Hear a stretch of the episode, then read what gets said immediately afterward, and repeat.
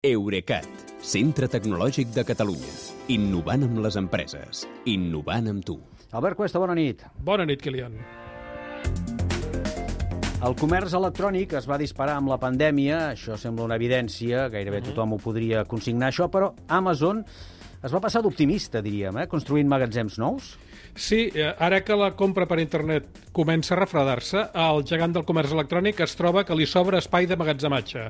Eh, segons Bloomberg, Amazon ha tret al mercat immobiliari en quatre estats dels Estats Units un total de 900.000 metres quadrats de naus pròpies en polígons logístics per si altres empreses volen llogar-les per les seves activitats logístiques. I a sobre també té previst no renovar alguns dels lloguers que fins ara paga a tercers. Uh, quina diferència, per altra banda, amb la situació de fa uns mesos que vam explicar quan la mateixa Amazon buscava centres comercials tancats per la pandèmia per instal·lar-hi nodes de distribució. Potser deu ser que Jeff Bezos no vol portar al límit la paciència dels seus accionistes. Per cert, Potser, potser. tot i la coincidència de nom, la primera empresa que donarà cobertura d'internet via satèl·lit a la selva amazònica, eh? aquí hi ha el, el link que dèiem entre Amazon i Amazònica, no serà la de Bezos, eh? No, eh, qui li ha passat al davant és el seu rival de sempre, Elon Musk. Ah. Eh, eh, en tornem a parlar, eh, i de fet, mentre Twitter s'agreuja el caos intern que provoquen els tuits de Musk sobre el funcionament de la xarxa social, que són uns tuits que cada vegada semblen més una estratègia per fer-se enrere amb la compra de l'empresa. Doncs mentre es passa això entre Musk i Twitter, el govern pre brasiler, presidit per Jair Bolsonaro, ha anunciat avui un acord amb l'operador Starlink d'Elon Musk per donar servei d'internet de banda ampla per satèl·lit a 19.000 escoles rurals del país, la majoria en plena selva amazònica. Amb aquesta cobertura de satèl·lit també es connectaran sensors de vigilància forestal. I aquí els satèl·lits del, de l'amic Musk eh, entren en competència amb el nostre enxaneta. Doncs sí, eh, perquè veiem, tot i que sovint se'n parla com el nanosatèl·lit de la, de la Generalitat, en realitat el nostre govern el que li té contractada és només la cobertura durant els minuts en què sobrevola el nostre país, dos cops cada dia. Però la resta del temps, l'empresa catalana Sateliot, que és la propietària de l'enxaneta, ofereix el mateix servei de connectar sensors agrícoles i forestals a la resta del món. I un dels projectes pilot que ja està portant a terme fora de Catalunya és precisament el Brasil. Al Brasil. Mm -hmm. Doncs seria això, eh? Enxaneta contra Elon Musk.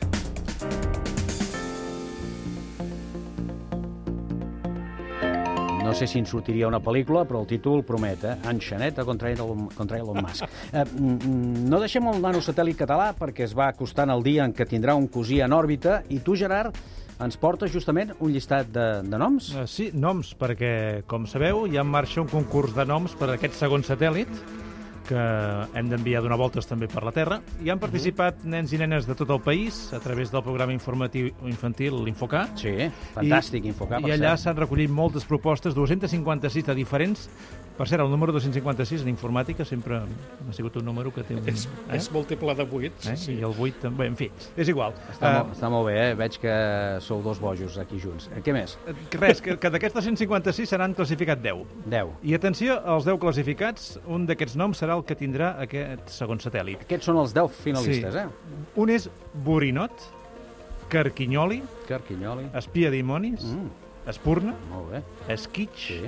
Estel, Mm, Galet, mm. Menut, Mineiró, aquest fa molta gràcia a mi, Sí, està bé. i Tafaner. Tafaner també està bé. No sé quin us agrada més. A mi, a mi Borinot és el que m'agrada més, S'ha notat. eh? I, Sí. i Mineiró m, també, perquè fa aquesta referència als follets que tenim al Pirineu, i també m'agrada Ah, bastant. Has convidat Ah. el Borinot directament a estar aquí amb nosaltres. Sí, veig, està aquí eh? amb nosaltres. Sí. A veure, el, el nom més adient tècnicament seria Tafaner perquè aquest segon satèl·lit de l'empresa Open Cosmos el que farà serà observar el territori. Per tant, ja va per aquí. Està Però bé. jo, si haig de votar, eh, jo també votaria per Borinot o per Carquinyoli. Carquinyoli.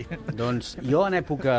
En Jo, època... no, jo només votaria Carquinyoli perquè la persona que està fent el compte enrere en anglès digui Count down for Carquinyoli. Sí, li costaria una mica. Per això, només per això ho faria. Jo en època de Pegasus, si em voleu creure, poseu-li espia dimonis, que és el que pertoca més. Bona. Uh, companys, espiarem el que calgui allà on calgui sempre en relació a l'actualitat, eh? Gerard? Sí, res, només que des d'avui fins dimarts que ve eh, la gent pot triar entre aquests 10 anant a la pàgina web de l'Infocar. I el dia que surti ens ho diràs, eh? Finals de mes. I Molt després, I després li hem de trobar plataforma de llançament, perquè l'havien de llançar des, del, des, de, des de Rússia i ara això no passarà. Ara ens dones més feina, ja, eh? perquè el nom Sí. era fàcil, tota la resta una mica més complicat. Això és el més fàcil. Gerard, gràcies. Albert, gràcies.